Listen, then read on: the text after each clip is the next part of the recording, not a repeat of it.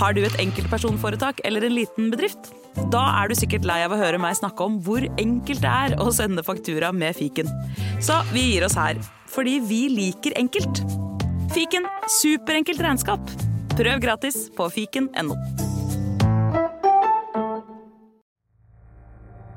Susanne Nordby Johansen er utdannet psykolog, og hun har hatt en mangeårig karriere innen rettspsykiatrien.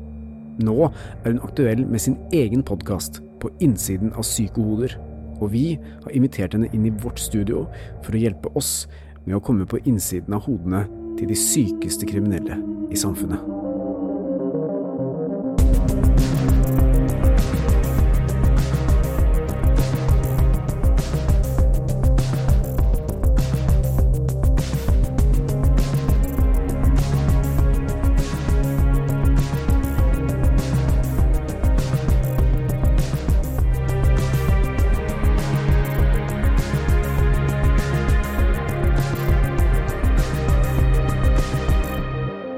Susanne, velkommen så mye til oss.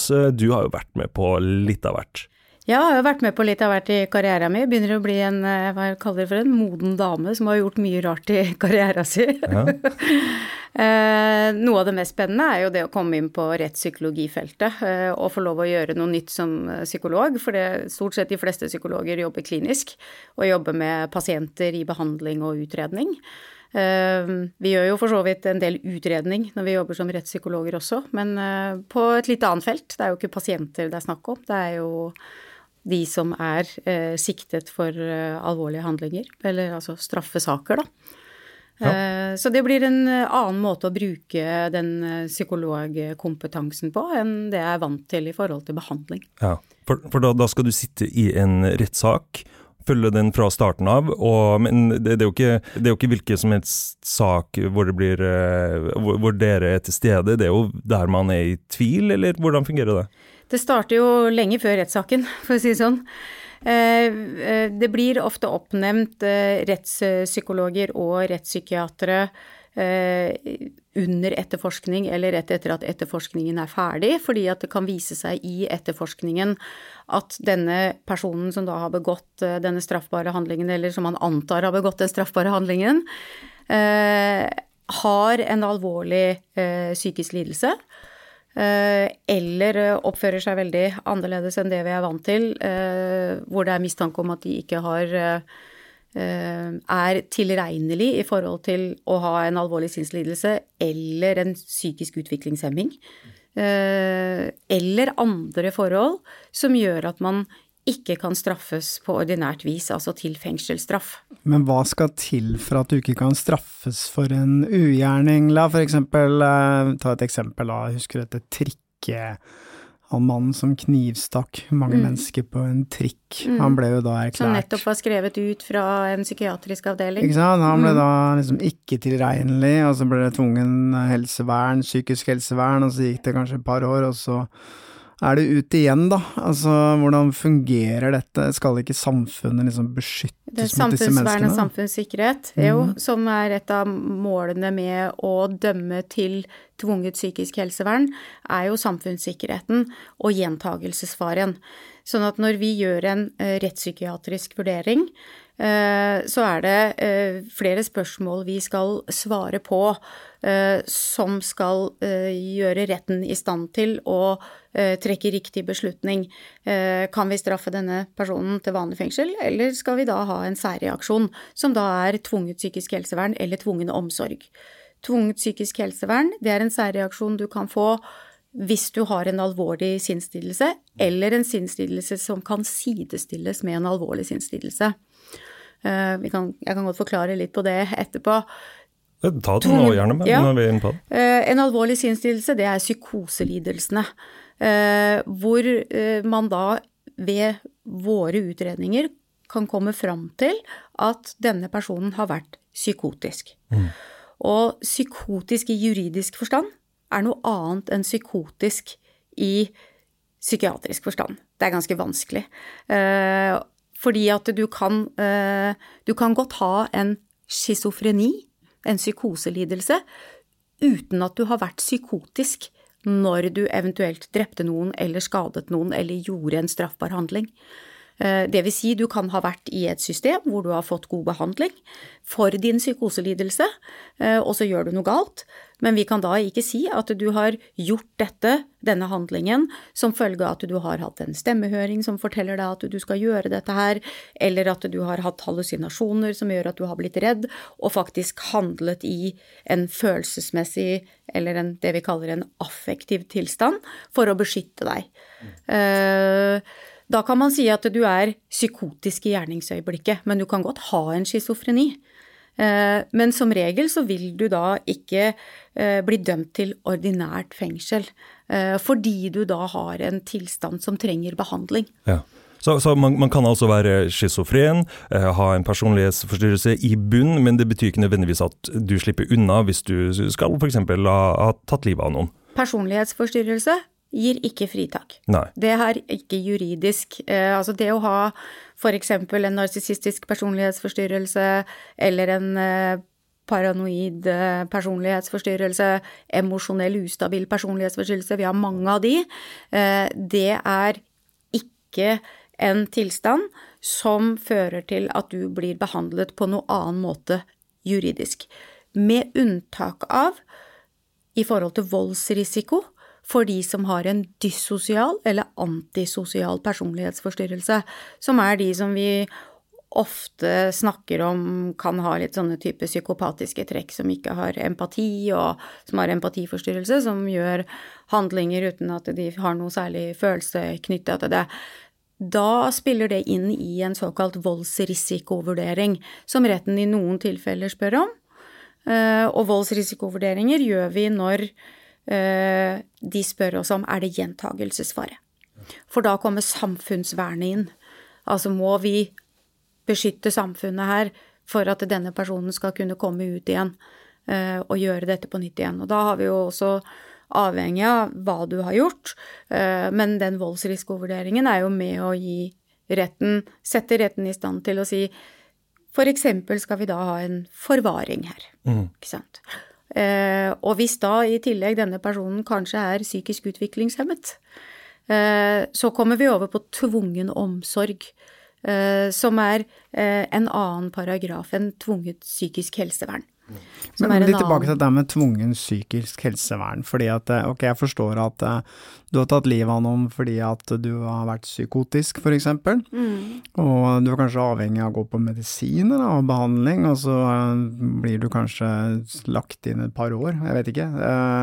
Men så blir du på et eller annet tidspunkt sluppet ut igjen, for du blir jo ikke sittende i tvungen psykisk helsevern resten av livet. Ofte så får jeg, og dette er sikkert helt feil, men jeg har en sånn følelse av at disse menneskene slipper litt billig unna, da. Altså det er sånn, du har liksom drept noen, og så, og så er det kanskje et par år på en institusjon, og så slippes du ut igjen, og så er liksom Er det greit? Og det føles litt for meg litt sånn Føles litt feil. Altså, hvilken garanti har man for at disse menneskene ikke gjør det på nytt?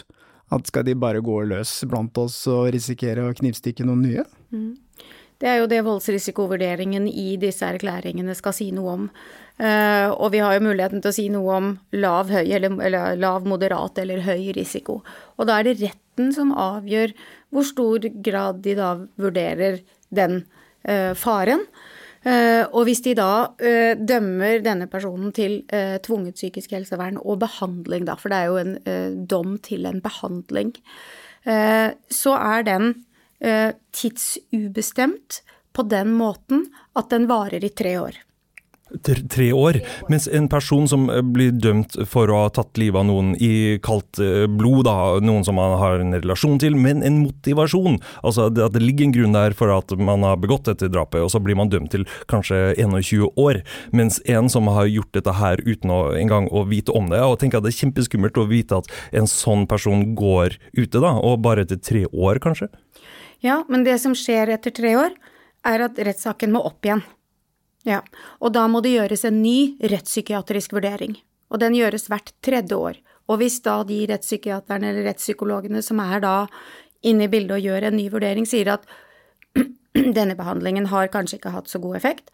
Vi ser fortsatt de samme eh, tendensene til eh, både dysosialitet, eh, at de har fortsatt en schizofreni, de har prøvd Altså, det, når, når, de dømmes til det, så er det sikkerhetsavdelinger som tar seg av den uh, altså utføringen av den behandlingen. Uh, og da prøver man jo med lempeligere tiltak f.eks. enn å sitte i et fengsel. Det vil si at du da du får medisiner, du får samtale, du får behandling. Og så får du etter hvert også eh, permisjoner, og så prøver man seg ut eh, under rammer. Uh, og hvis du da ikke klarer å forholde deg til reglene under denne for det er jo en soning, så hopper du tilbake i steg, og så kommer rettspsykologene på banen igjen og gjør en ny vurdering og sier at her er det fortsatt høy risiko. Her er det fortsatt en stor fare for samfunnet. Eh, vedkommende er fortsatt syk, trenger fortsatt medisiner. Sier kanskje at han ønsker å eh, ta medisiner, men er ikke så veldig interessert. Eh, hva vi kaller for lefle litt med medisiner, gjemme litt unna medisiner, tar ikke alt de skal, ønsker ikke det. sier kanskje til oss rettspsykiatere eller rettspsykologer da, at vi jo da, jeg ønsker å ta medisinene mine, men når jeg kommer ut, så kan det jo godt hende at jeg Eh, ikke ønsker å gå og ta de allikevel. Eh, sånn at, eh, og det, det, må du jo i etterkant av en sånn soning, så vil det fortsatt være rammer for medikamentell behandling. Så hvis vi da sier at her er det fortsatt gjentakelsesfare, det har altså korreksjonen eller straffen ser ikke ut til å ha hatt noen effekt, så er det en ny sak gjennom tre år. Og det samme gjelder de som sitter på tvungen omsorg. Ok, Så det er ikke så enkelt som at du bare blir stua vekk et par år, og så, så er du ute og, i offentligheten igjen? Nei. For det er litt den følelsen jeg sitter med. Men ja. det er godt at du får retta litt opp i det. men, men, men, ta oss eh, inn i en rettssal eh, når du sitter der og skal vurdere en person som sitter på tiltalebenken, hvor man er litt i tvil om, eh, om hva som har foregått oppi hodet på den som er tiltalt. Ja, vårt arbeid starter jo med at vi blir oppnevnt. Det er litt viktig å ta den biten først. Og så gjør vi da en stor erklæring som vi sender inn til retten. Og så sender vi den til den rettsmedisinske kommisjonen som vurderer jobben vår og sier at eh, her har dere gjort en ok jobb, eller kommer med kommentarer. Og så legges, skal den legges fram i retten. Det betyr at de eh, rettsoppnevnte sakkyndige er til stede i hele rettssaken. Det vil si, vi sitter som sakkyndig også i retten. Det vil si at vi kan ende opp kanskje med å forandre konklusjonen vår ja. i løpet av saken. For dere har allerede kommet med en vurdering etter samtaler med den tiltalte, ofte. Og innhenting av masse opplysninger. Men eh, er der for å observere gjennom rettssalen, i tilfelle ja. Det kommer opp noe annet? Det kommer opp nye ting. Det kan komme vitner som vi ikke har hørt. Den, den, tiltalte, eller når de kommer i retten, så er de jo sikta. Eh, så kan jo de eh, si ting som de kanskje ikke har sagt til oss. De kan ha forandret mening. Det er jo faktisk også sånn at noen ljuger, da. Eh, det kan vi jo snakke litt om, at jeg har måter å, å kartlegge det på. Det er interessant. Det kommer vi tilbake til. Det kan vi komme tilbake til. Uh, og noen sier jo at de overhodet ikke husker, men så kan det jo komme fram ting i løpet av uh, rettssaken som viser seg at de faktisk har litt hukommelse for dette her. Og vi har også da muligheten til å stille spørsmål til alle som uh, vitner i retten. Det være seg andre sakkyndige, uh, f.eks. hvis det er uh, blodspor eller sædspor eller andre typer spor, så er jo ofte Rettsmedisinske institutt også med og gir en sakkyndig vurdering. Vi kan også stille de spørsmål for å belyse saken. Sånn at uh, vi, vi, er på en måte en Vi er rettens hjelpere, kanskje, kall det det, for å få belyst saken også i løpet av det som vi kaller for en hovedforhandling, enten i tingretten eller lagmannsretten. Jeg forstår at du har eh, vært rettspsykolog i over 80 saker i Norge. Mm. Har du i løpet av noen av de sakene endra da, konklusjonen fra det du gjorde før rettssaken starta? Nei.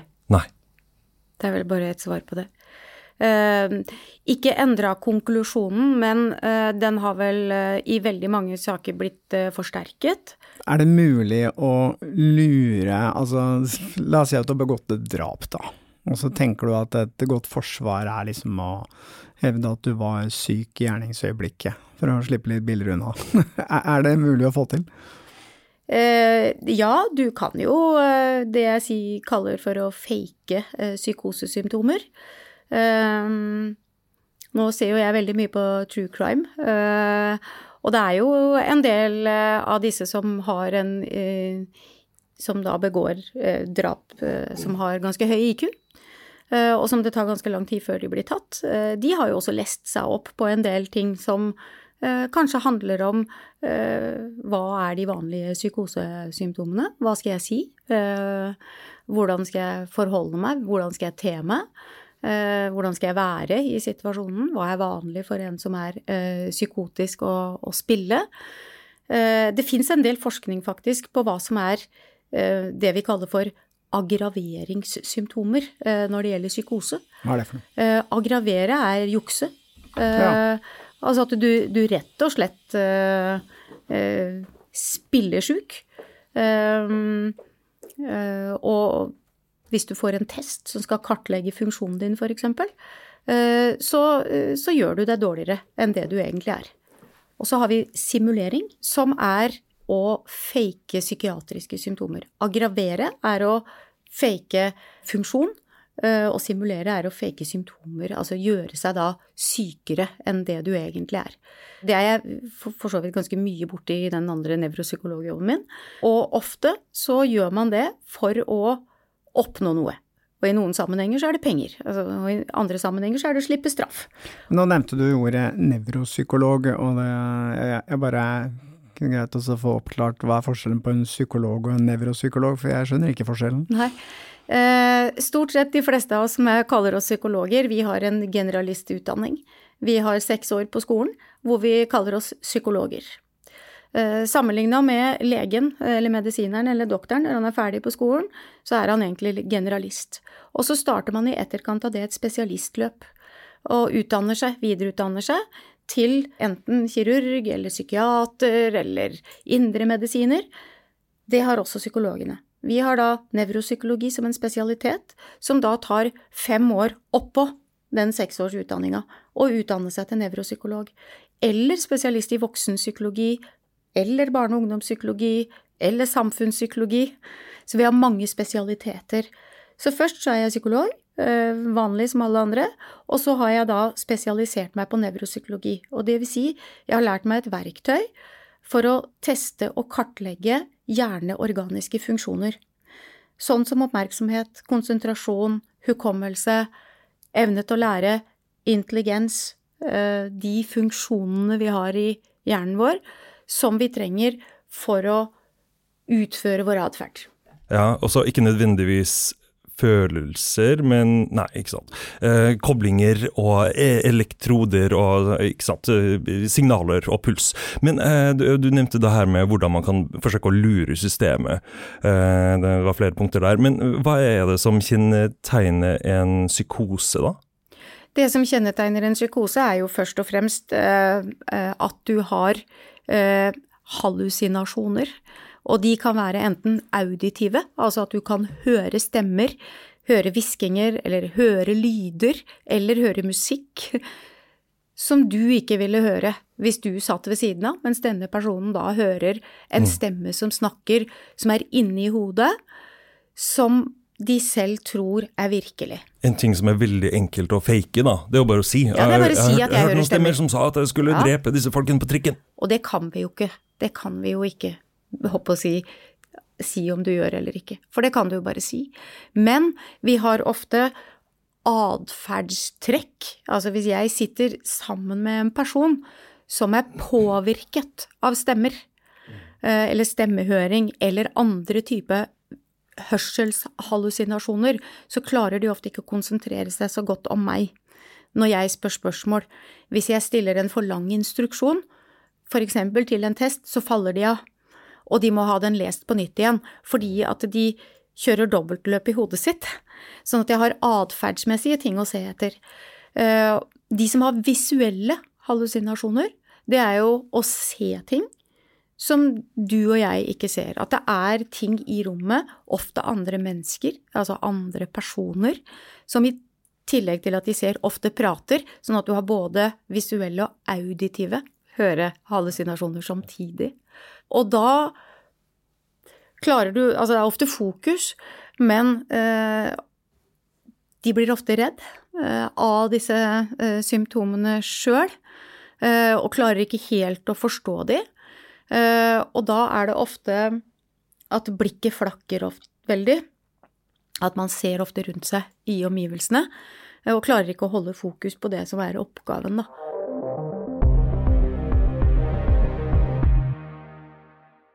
Har du et enkeltpersonforetak eller en liten bedrift? Da er du sikkert lei av å høre meg snakke om hvor enkelt det er med kvitteringer og bilag i fiken, så vi eh, gir oss her, vi.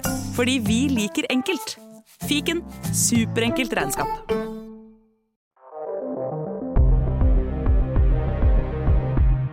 En sånn der uh, CT-skanning man bruker for å skanne hjernen. Altså, hvis man hadde tatt en CT-skann av en person som var psykotisk mens han ble skanna, hvordan kunne man se noe? Kan man se noe da? CT vil ikke hjelpe deg. Nei. Uh, og en vanlig MR-undersøkelse vil heller ikke hjelpe deg. Eh, en funksjonell MR vil kanskje bidra noe. Hva er forskjellen på, eh, på ja, et, et vanlig MR tar, eh, tar bilder. Ja. Rett og slett slices Ja. av hjernen din fra toppen til bånn og side og opp og ned. Sånn at du får et, et bilde av det indre miljøet, hvordan det konstruktivt ser ut. Et funksjonelt MR tar bilder, men det viser også hvor i hjernen aktiviteten foregår når du blir stimulert. Eh, sånn som for eksempel hvis jeg ligger i en MR-maskin og får se bilder av folk på stranda Mm. i relasjon til sommeren, eh, eller folk som er sinna, eller noen som er, har begått et drap og det er veldig blodig, for eksempel, så lyser det opp på forskjellige steder i hjernen. Og hvis du har eksempel mye aktivitet i frontallappen din, og du da ikke blir stimulert av noe der ute, så kan det tyde på at det er noe inni deg som foregår. Men dette er hypoteser. Dette vet vi ikke. Jeg skal ikke si at dette er sannhet, fordi at dette forskes det veldig mye på. Hva skjer i hjernen når du har en psykose? Er det noe som skrus av, eller er det noe som skrus på? Begge deler, egentlig. Eh, altså det er eh, både signalfeil, svikt i eh, kommunikasjon mellom eh, hjernebanene. Altså vi har jo eh, celler som eh, kommuniserer med hverandre ved elektrisitet. Og du kan se ofte områder når du er psykotisk som har veldig høy aktivitet, som egentlig ikke skal ha høy aktivitet. Og så kan du se områder som da ikke har aktivitet i det hele tatt, som, som skulle hatt aktivitet. Eh, men det er på det nivået. Vi har ingen sånn der nå er det aktivitet. Der er lik. Dette er det symptomet. Der er vi ikke. Forskninga er ikke der. Men kan man se i etterkant av en hendelse hvor man har mistanke om at noen har vært psykotisk, og så putter man de inn i den MR-maskinen, kan man da se at ja, ok, her kan vi se at han mest sannsynligvis eh, Her var det noe som skjedde på dette gjerningstidspunktet? Nei, det Nei. kan vi ikke. Men eh, forskning har vist at det kan være strukturelle endringer hos de som har en etablert schizofreni. Eh, men alle de er eh, kartlagt etter at de fikk schizofrenien sin. Eh, og da, da kan det være endringer i frontallappen og også i noe som heter hjernebroen. Eller det vi kaller for corpus callosum, for høyre og venstre side av hjernen, hvor de kommuniserer med hverandre. Og det er en bro over. Bindeleddet? Ja, ok. Ja, det er bindeleddet. Eh, og den strukturen, og i tillegg så er det noe som heter hippocampus, som er hukommelsesområdene våre, eh, hvor det også er litt lite volum i forhold til de som ikke har en schizofreni. Men man kan ikke si at det nødvendigvis er schizofrenien som har gjort det sånn, for disse menneskene som er testet, de har også gått på medisiner, så medisiner kan kanskje påvirke. Så det er funn som eh, ikke nødvendigvis sier at det er en årsak-virkning da, mellom en hjerneskade eller en strukturell endring. Men finnes det noen sammenheng mellom f.eks. lav IQ og eh, slike problemer, høy IQ og slike problemer? Hvis, man, hvis vi begynner med lav IQ, da, sånn hvis vi skal tilbake til strafferettslig sammenheng, så, er jo, så var 55 i IQ, det var grensa for straffefrihet. Nå er den strekt opp til 60. 100 er gjennomsnittet i befolkninga. Eller vi kan si 85 til 115 er gjennomsnittsbildet. Så hvis du ligger der, så er du forholdsvis normal. Har du 85, så har du litt trøbbel. 115, så begynner du å bli litt bedre enn de andre. Gjennomsnittet på akademikerne er ca. 120. De som har lavere IQ, som ligger da i rundt 75-70 eh, eller er psykisk utviklingshemmet, under 69 IQ. De har ofte en sårbar hjerne. Det vil si, den har lavere IQ i utgangspunktet, så den er sårbar for mange ting. Det kan være utvikling av for eksempel psykoselidelser. Eller det kan være utvikling av andre psykiske lidelser, sånn som angst og depresjoner, eh, som jo for så vidt ikke er Du får ikke noe straffefrihet for det, men det kan da gi deg eh, en høyere risiko.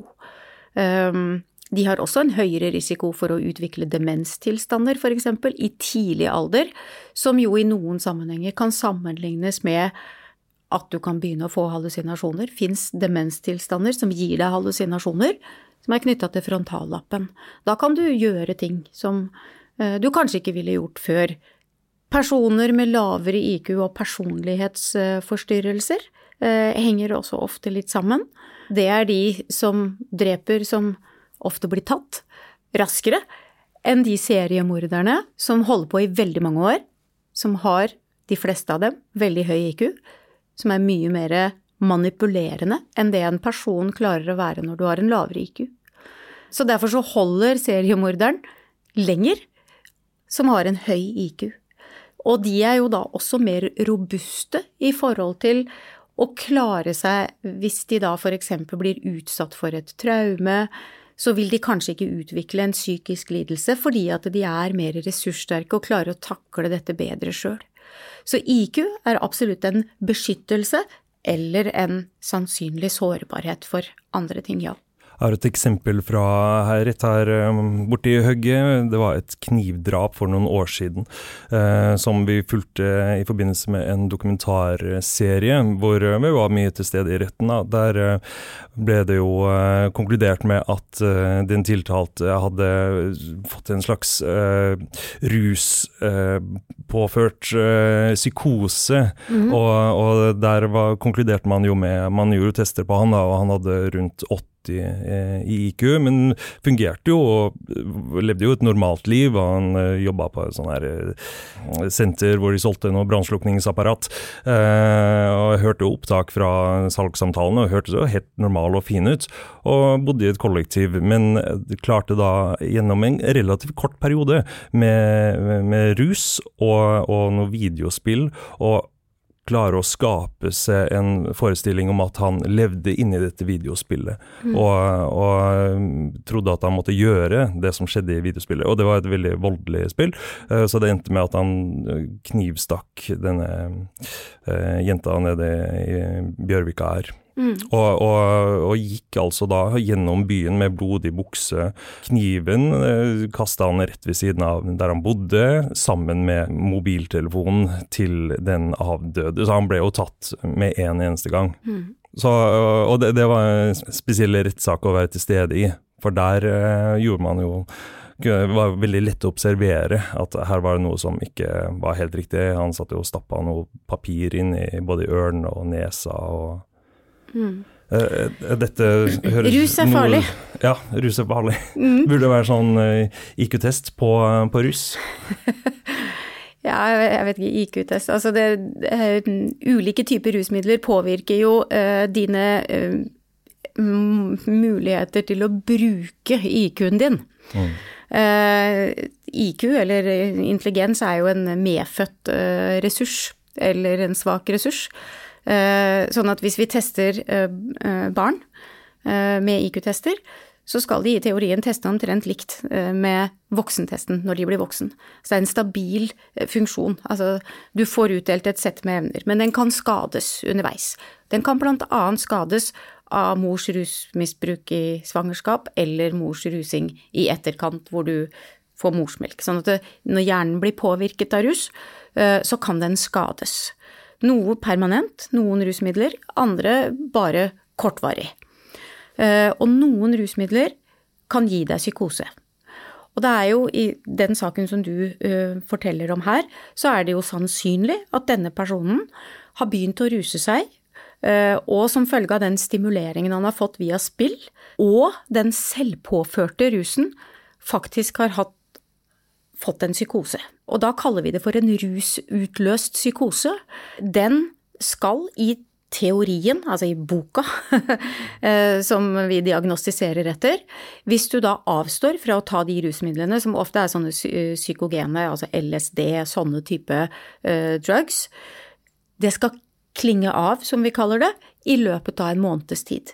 Da skal de psykotiske symptomene bli helt borte, og du er frisk. Mm.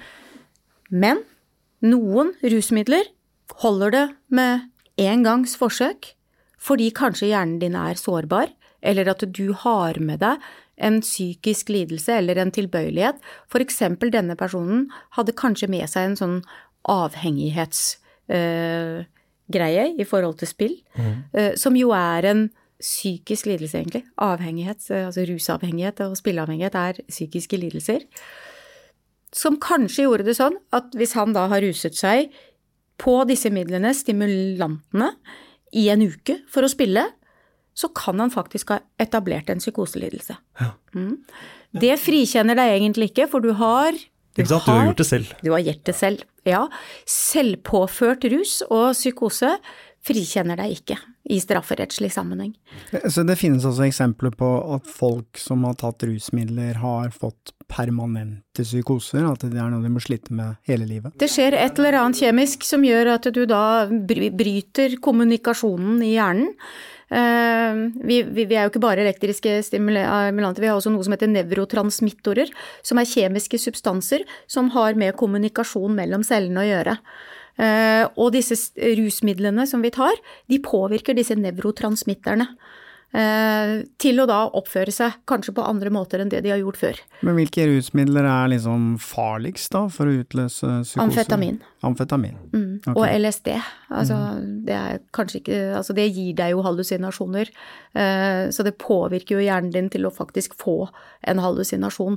Mens overdrevent bruk av amfetamin over tid og mangel på søvn, det gjør også at du kan utvikle psykose. Men hva altså med marihuana, for eksempel?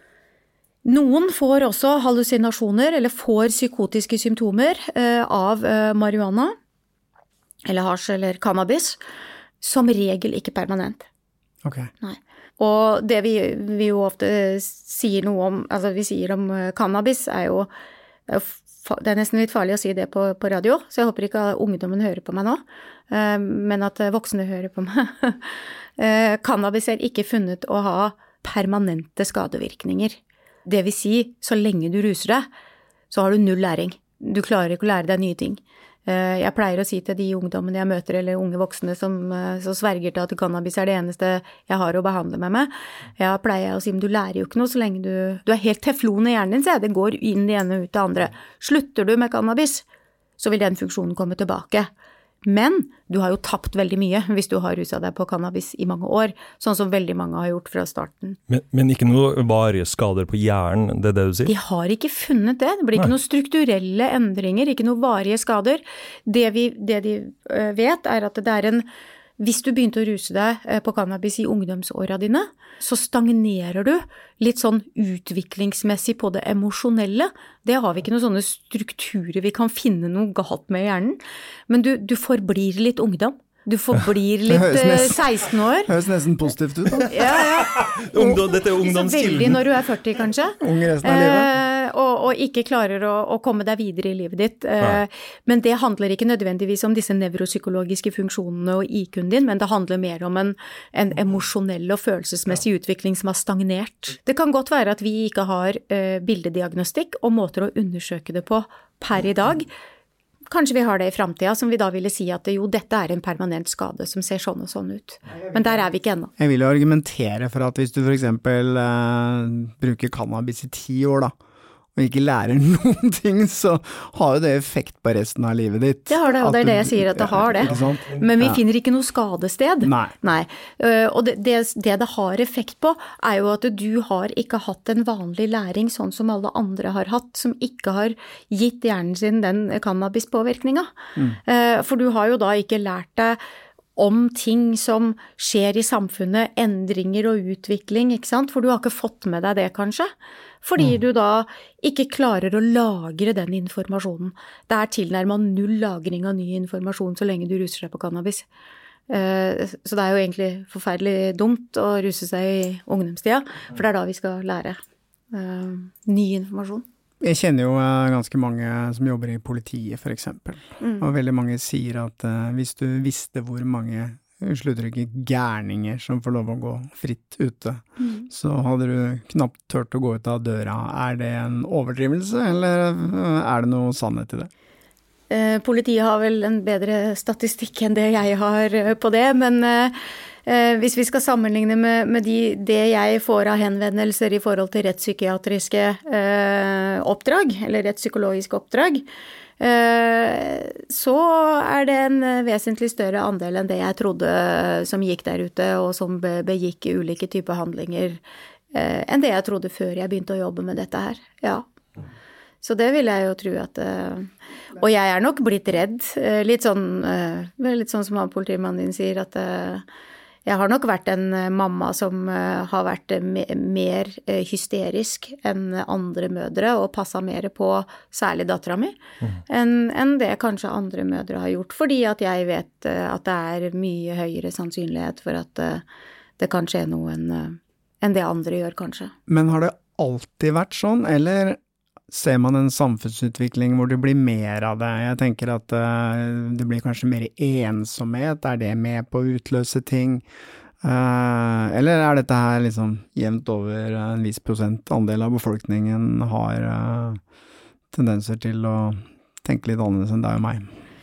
jeg tror det er jevnt over en del som kanskje har en en hang til å tenke annerledes enn deg og meg. Eh, men jeg tror det er ganske stabilt, eh, de som utfører de veldig alvorlige handlingene.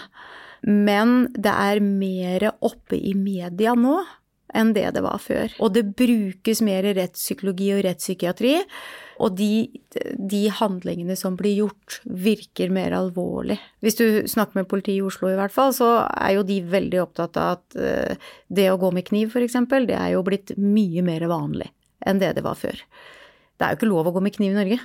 Men det er jo veldig mange som uh, Det er faktisk ikke lov å gå med kniv på kroppen. Det, det er men, men, samtidig så kan jeg argumentere for at da jeg vokste opp, så var det jo ingen som lurte på Altså, vi gikk jo med kniv i skogen, vi. Det var ja, helt vanlig, ja. det. Vi skulle kappe litt og Ja, vi spikka og, og laga granbarhytter ja. og lekte cowboy-indianere mm. og mhm. skøyt med pil og bue og traff hverandre og sånn. Ja. Det har jeg jo gjort, det. Mm. Men jeg går ikke på gata i Oslo med machete her. Sant? Mm. Altså, jeg har jo hatt eh, personer inne på mitt kontor som, eh, som har en machete festa her han beveger seg ikke utafor uh, leiligheten sin. Til beskyttelse, da? Ja. Det er jo det de påstår at det er. Mm. Uh, og de, er, de, de, bruker den jo òg, da, hvis de da blir redde. Da er det ganske farlig, da. Hvis du har en f.eks. en psykoselidelse uh, som gjør at du også har Altså stort sett de fleste som har psykose og schizofrenilidelser, har mye angst. De er mye redd. Uh, de vet ofte ikke hva som er virkelig. En trussel blir ofte mye større. Ergo, sannsynligheten for at du bruker den macheten er mye større enn det ville vært hvis du ikke var psykotisk. Hvor, hvor det kommer ifra folk som har uh, kommer opp i sånne situasjoner, da, hvor, uh, hvor det kanskje er psykotisk. Er, dette noe de er født med, eller noe som kommer i oppveksten? Har man noe statistikk på det? Det er jo noe av det vi prøver å finne ut hele tida, om dette er en medfødt tilstand. Eh, vi sier vel ofte at eh, psykopaten er medfødt og sosiopaten er skapt. De har veldig like, eh, veldig like symptomer, mens psykopaten er mer manipulerende og kverulerende, mens sosiopaten er skapt av eventuelle traumer og gjør ofte ting i mer emosjonell tilstand. Eh, og kanskje da ofte i at man er redd eller ikke tenker seg om i mye større grad enn psykopaten som gjør den samme handlinga, men på litt annet grunnlag, da. Hvis jeg hadde visst 100% hva som var medfødt og hva som var, uh, hva som var, skapt, så ville jeg vel fått en eh, nobelpris, antar jeg. Ja, men, men psykopa psykopaten går jo ikke nødvendigvis ut og, og dreper noen. Men jeg tenker på de som opplever å gjøre ting i psykose, da. Mm. Hvor Vet man hvor, hvorfor Mange det oppstår? Mange av de er vel skapt, og det er mye traumer.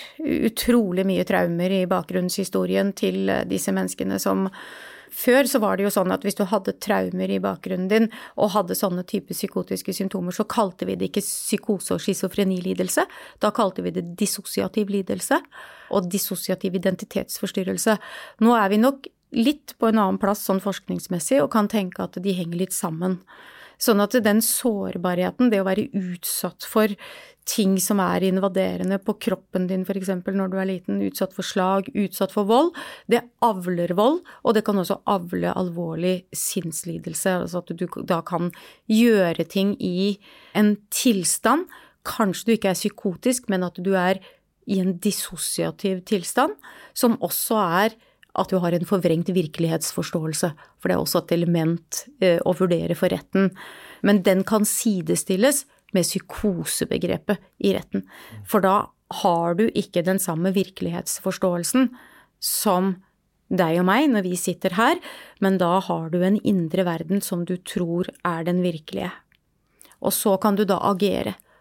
Men så mye stammer fra tidlige barneår? Tidlige barne- og barndom, traumer, ja. Eh, hvis vi skal se på de miljøene som eh, bruker kniv, som bruker macheter og sånn, så er jo det ofte det eh, kriminelle miljøet med rus, hvor rus deales med, som, hvor kniven eller macheten ofte er til beskyttelse i, i dealingssammenheng, da.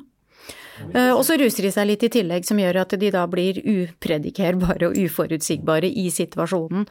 Som gjør at de da kan bruke den macheten, da, eller kniven.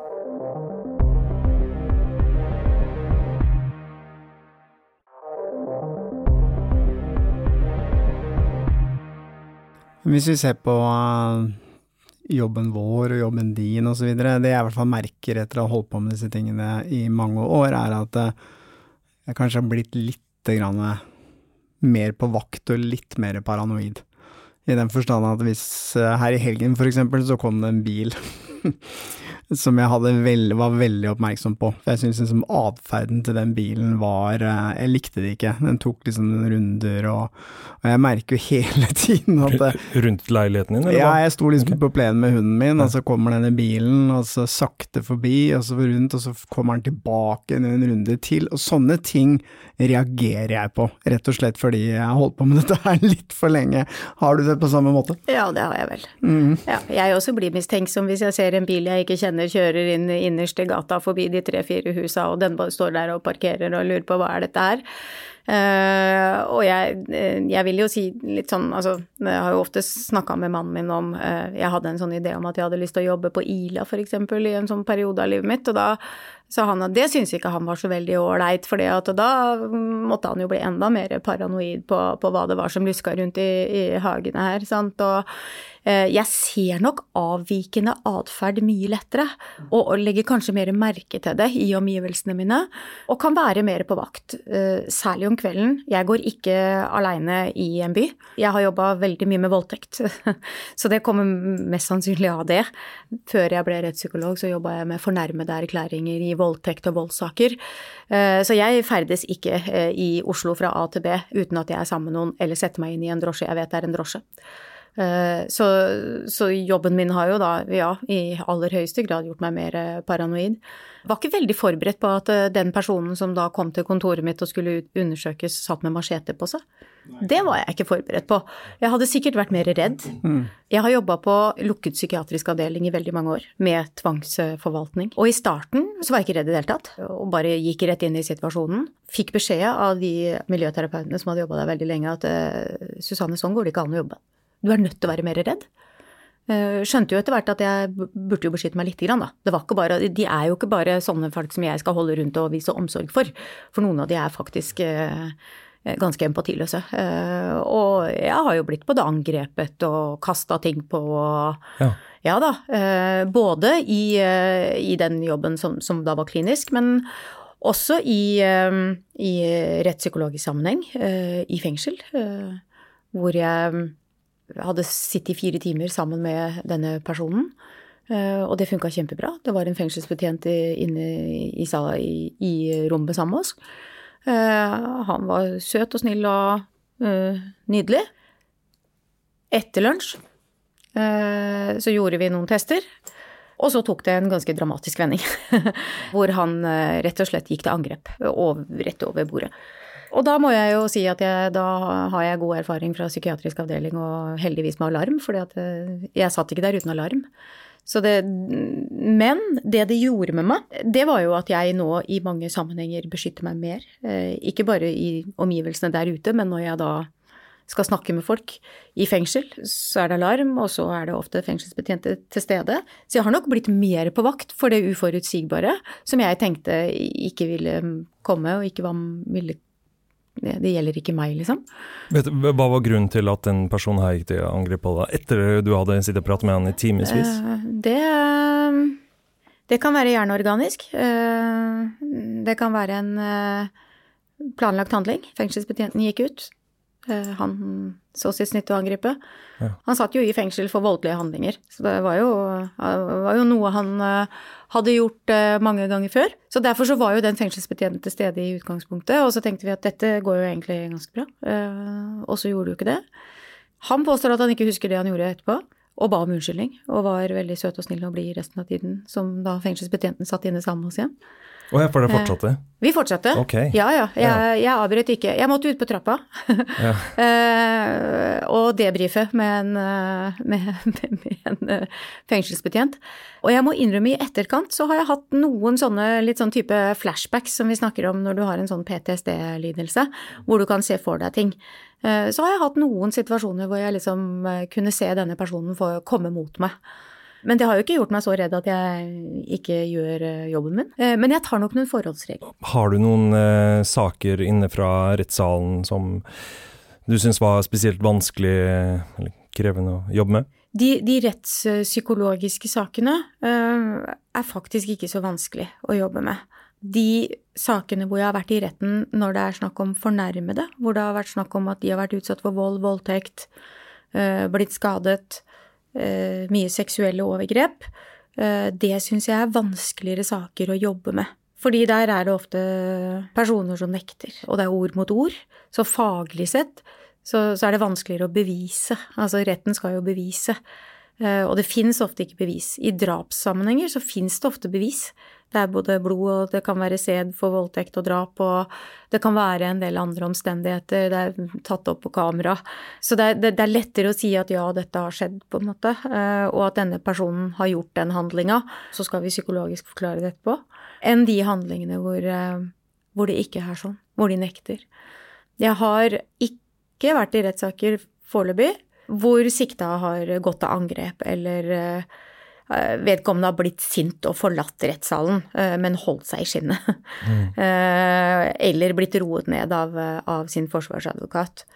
Men, men, ikke noen sånn ja, verbale angrep kan det jo komme, selvfølgelig. Det preller litt av. Mm. Men jeg har ikke Jeg har ikke vært i, i, i straffesaker som har vært veldig vanskelig, nei.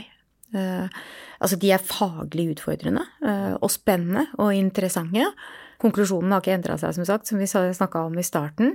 Men de kan bli belyst i, i større grad, da. Eh, sånn at det er, det er, spennende ting som kommer opp som faglig sett. Eh, men ingen sak hvor jeg har blitt redd eller følt meg veldig paranoid eller noe sånt. Men har du fått noen trusler i jobben din, da? Nei.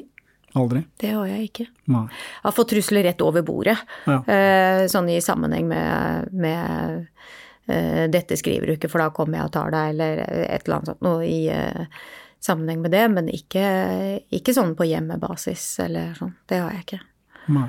Og heller ikke fra noen av de pasientene jeg har hatt i sånn uh, du er ikke så veldig populær når du fatter tvangsvedtak på en, en, på en lukka avdeling. Og når du har vedtakskompetanse og kan si at det her må du bli, så er ikke det alltid like populært. Men jeg har til gode at noen kommer og, og truer meg i etterkant. Har det. Vi var jo kort inne på dette med seriedrapsmenn. Det er jo ikke akkurat noe sånn der, eh, norsk fenomen som oppstår så veldig ofte, men vi ser det jo veldig mye i USA. Eh, hva, hva, er liksom årsaken til det at eh, at f.eks. USA har opplevd så mye av det, mens det er ikke så mye av det i Norge. Altså Hva er det som kjennetegner disse menneskene, da, som dreper en hel haug folk? Nå stilte du mange spørsmål på en gang. Eh, for det første så tenker jeg at grunnen til at vi ser veldig mange flere i USA, er at de er mange flere mennesker. Altså populasjonen består av et uh, mye større antall. Vi har noen saker i Norge som jeg tenker uh, kanskje er representativt hvis du tar antall mennesker vi er i Norge sammenligna med altså de fem-seks millionene vi er, og så har vi noen få opp gjennom tida. Og så har vi noen nordmenn som har eh, emigrert til, eh, til USA og faktisk vært, blitt seriemordere. Belle Gunnes? Belle Gunnes er en svært interessant dame å snakke om. Mm. Hvis du drar opp til, til til Trøndelag, så jeg er ikke sikker på om de syns det er så veldig interessant at hun kommer derfra. Fortell litt om uh, denne Gunnes. Belle Gunnes uh, var oppvokst i Trøndelag og utvandra til uh, USA på slutten av 1800-tallet, akkurat samme som veldig mange andre nordmenn gjorde, for å leite etter lykken. Hun dro til søsteren sin i de nordligere deler av USA. Begynte å jobbe hos en slakter i starten på karrieren sin. Hun var en veldig, veldig stor dame, veldig høy, sånn man, man, maskulin dame. De sier hun var nesten 1,80 høy eh, og stor. For å eh, oppnå sin drøm om penger og fortune, eh, så begynte hun Hun drepte sin første ektemann for å få forsikringspenger, og sto jo da i den heldige situasjonen at han hadde dobbel forsikring den dagen, for den ene slutta og den andre starta, så hun fikk jo utbetalt ganske mye penger. Og fant ut at dette her, det var en veldig god måte å få penger på. Eh, så hun ble jo en velholden dame og reiste til et eh, Flytta seg da litt i USA eh, og giftet seg med, med han Gunnes, da. Det var jo ikke det som var navnet hennes i utgangspunktet. På gården hans, og så gikk det jo bare kort tid, og så drepte hun han også og tok over gården hans, da. Og hun gjorde jo dette her, fikk det jo til å se ut som ulykker. Han Gunnes, han, han fikk angivelig en eller annen sånn der tung greie som sto på, på peiskanten ned i hodet, da. Eh, hvis de hadde hatt eh, muligheter til å undersøke videre, så hadde de vel mest sannsynlig sett at han ble drept med noe annet enn den. Men det Belle Gunnes gjorde, var jo å partere eh, disse mennene, nær sagt nesten med kirurgisk presisjon. Noe hun hadde lært hos denne slakteren, som hun da kom jobba hos. da, Å partere dyr ble jo da veien hennes, å partere disse mennene. Og hun lurte jo til seg menn, hun var jo en velstående enke, og lurte da menn hun eh, reklamerte, altså i aviser, i norske aviser. Både i Norge og i USA. Eh, over at eh, her hadde hun, de måtte komme til gården og ta med seg alle pengene sine, og her skulle det bli velstand og velståelse. Og det gikk jo veldig kort tid, og så ble jo disse mennene bare borte. Og resten av eh, den historien, og en fyldigere utgave, kan man faktisk høre i din egen podkast som heter På innsiden av psykohoder. Det, det kan du. Det er en podkast mm. som du har sammen med Jonas Oftebro. Eh, hvor eh, dere tar et eh, blikk inn i hodene på noen av de største, det vi kan kalle for psykoer, i verden. Det er jo denne Bell Gunnes blant annet. Ted Bundy, som er en kjent seriemorder fra USA. John Wayne Gacy sammen med, og Peter Madsen, denne danske ubåt oppfinneren. Hva kan du si om denne podkasten? Ja, podkasten prøver jo så godt vi kan å gå Eh, litt på baksida og på innsida eh, av disse, eh, det vi kaller for psykohodene. Og vi tar jo ikke for oss bare seriemordere, vi tar jo også for oss drapsmenn som, som gjør handlinger som er litt uforståelige, og så prøver vi å finne ut av hva dette kommet av. Og da er vi jo litt tilbake til noe av det du spurte om i stad. Vi bruker tid på er de født sånn, eller er de blitt sånn? Og vi snakker en del om psykopati, vi gjør det. For vi kommer, vi kommer tilbake til det. At man må ha en del psykopatiske trekk for å kunne gjøre sånne type handlinger. Hvis ikke du da er psykisk syk. Eh, og vi har jo også noen, eh, noen saker som vi går igjennom, hvor vi tenker at det er psykisk sykdom som, som førte til at eh, disse handlingene ble begått. Men så har vi jo da Ted Bundy, som, som sannsynlig ikke var psykisk syk, men som hadde en stor nytelse av å, å, å faktisk drepe. Og, og, og, noen får jo glede av det, og noen har en seksuell nytelse av det, og andre har jo andre typer stimuleringer. Altså drapet gir deg noe, da. Og du føler da ingen empati for dette drapsofferet ditt, da. Som jo er den psykopatbiten av det. Men så har du jo eh, de psykisk syke, som, som jeg syns er ganske spennende å gå på innsida av. Hva, hvorfor førte dette til et drap? Og, og da har vi jo eh, Didi Blanchard og Gypsy Rose. Eh, som vi tar for oss i, i podkasten, hvor vi snakker mye om psykisk sykdom. Og også hvor det virker som psykisk sykdom og de samme trekka går igjen i generasjoner. Så noe jeg syns er interessant, fordi da snakker vi jo kanskje om gener, og da snakker vi om arv. Og da er du født sånn. Og da er du faktisk født med disse psykiske sykdommene dine, men vi kan jo ikke si det. Det er jo også mye miljø, mye arv. Mye påført miljø eh, over tid. Og flere av disse eh, drapsmennene, psykopatene, eh, når vi går tilbake, så har de jo en god del fellestrekk som vi syns er morsomme å snakke om, sånn som når, da, når de dreper dyr og en del sånne ting i barndommen sin, da, og plager dyr, som er en sånn ting som går igjen hos psykopaten, og ofte hos de med antisosial og dysosial personlighetsforstyrrelse. Det er sånn de starter. Og det er sånn de blir kjent med seg selv, og sin kanskje empatiforstyrrelse. At de kjenner bare glede ved å drepe dyr og skjønner at andre syns jo ikke at dette gir noe glede. Men uansett, eh, Helge, vi kan vel trygt si at eh, når du er ferdig med å høre alle avhørtepisodene, og desperat ønsker å høre noe mer, så kan vi på det varmeste anbefale på innsiden av eh, Psykohoder. Og vi må selvfølgelig huske vår egen nye podkast, Grenseløs, med fotografen og eventyreren Jonny Haglund. Den kan dere høre overalt der dere hører podkast, gratis. Avhørt er produsert av Batong Media. Redaksjonen vår består av Stein Morten Lier, Helge Molberg og Lars Christian Nygårdstrand. Temamusikken vår er laget av Altered States, og du finner oss på Facebook og Instagram. Vil du høre eksklusive episoder av Avhørt, gå inn på podme.no, eller last ned Podme-appen.